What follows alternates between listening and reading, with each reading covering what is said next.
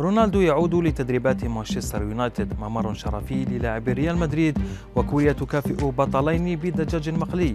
هذه الأخبار وغيرها تتابعونها على العربية بودكاست.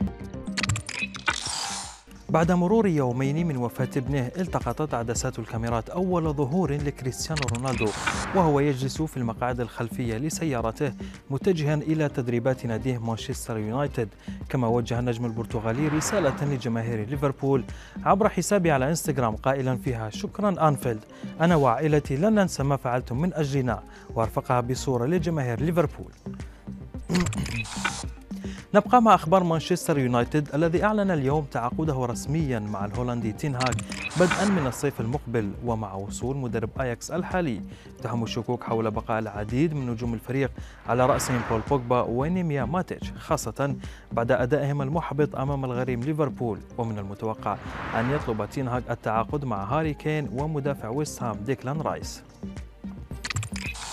بعد فوز ريال مدريد الصعب أمام إشبيليا واحتفال لاعبي الميرينجي في غرف تبديل الملابس لاحظت الجماهير وجه جاريث بيل الخالي. من أي ملامح للفرح أو الحزن؟ وبقي بيل واقفا في مكانه في الوقت الذي كان زملاؤه بصخب بعد الفوز الذي قربهم من تحقيق لقب الدوري الإسباني. ويقضي اللاعب الويلزي آخر أيامه في ريال مدريد بعد الإعلان عن رحيله الصيف المقبل.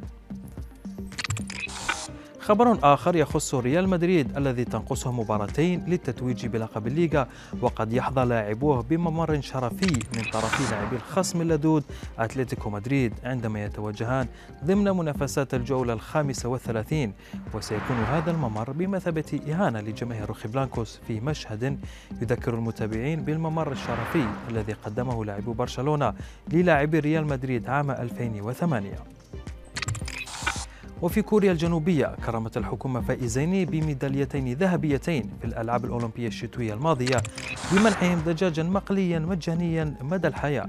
وقالت سلسلة مطاعم جينيسيس باربيكيو أن الرياضيان سيحصلان على قسائم بقيمة 30 ألف دولار تكفيهما للحصول على الدجاج المقلي مجانا حتى بلوغهما عام الستين.